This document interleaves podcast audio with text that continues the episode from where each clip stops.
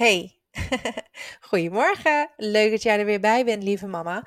Uh, ja, vandaag hebben we natuurlijk weer over vroeg opstaan. Het is nog steeds herfstvakantie hier in het zuiden. Waarschijnlijk bij jou ook. Het is natuurlijk pas dinsdag. We hebben nog even.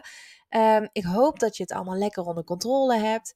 En ook deze week is het gewoon mega belangrijk als je kinderen hebt die nog gewoon op de basisschool zitten, bijvoorbeeld, of daaronder nog, veel jonger nog is het gewoon belangrijk dat je goed voor jezelf zorgt en ook in de ochtend op tijd opstaat. En dat doe je voor jezelf, omdat je anders uh, ja, je dagen gewoon niet zo lekker begint. Ik heb je gisteren al wat dingetjes aangegeven. Dat geldt vooral als je op tijd ergens moet zijn. Hè? Dat je moet werken of dat je uh, naar school gaat of op school moet zijn op een bepaald tijdstip. Nou, het kan ook zo zijn dat je vandaag gewoon lekker thuis bent. Maar toch is het fijn om dan vroeg op te staan, omdat je een aantal dingen dan kan doen. Je kan je dan ja, een soort van routine om jezelf heen bouwen. Een routine is altijd goed om van elk dagdeel, elk ding wat je moet doen als moeder, om daar een routine van te maken. Want een routine helpt om uh, structuur aan te brengen, om rust aan te brengen in jouw dag, ook voor jouzelf. Dus ze zijn belangrijk voor je kinderen, maar ook voor jou. Nou, vandaag heb ik vijf dingen voor je die je eigenlijk iedere ochtend zou moeten doen. Dus die je dan in je routine, in je ochtendroutine zou kunnen aanbrengen. Het zijn vijf simpele dingen zelfs, die je heel makkelijk kan doen.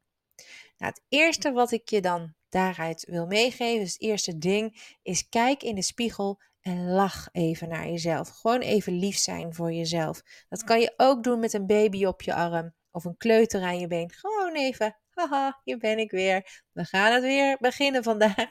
We doen het weer. Uh, we gaan er wat leuks van maken.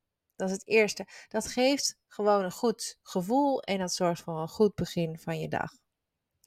Het tweede is mediteren of lezen. En nou kan ik me heel goed voorstellen dat je daar in de ochtend helemaal geen tijd voor hebt. Hè?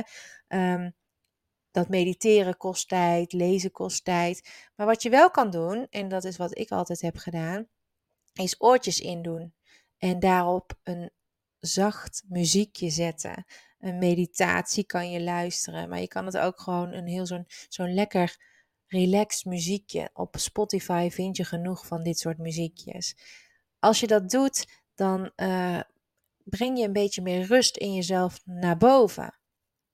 En dat helpt echt om stress in je lichaam te verlagen. Dus je hoeft daar niet speciaal voor te gaan zitten. Je kan het ook op die manier doen. De derde is sta stil bij hoe je je vandaag wil gaan voelen.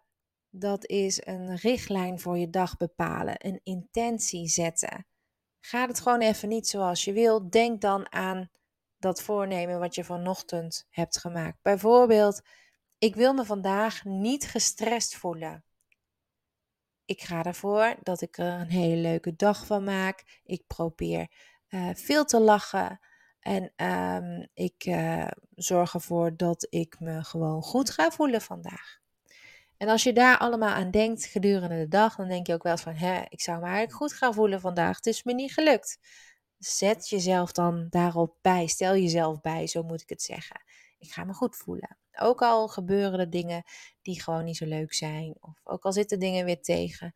Hè, lach dan toch een keer naar iemand. Of lach een keer weer extra naar jezelf in de spiegel. Sta dus stil bij wat je vandaag uh, wil voelen en waarop je je ook vooral wil focussen. Het vierde wat je kan doen en wat je eigenlijk zou moeten doen, is een notitieboekje op tafel leggen met een pennetje erbij. En dat is dan vanaf nu jouw mama boekje.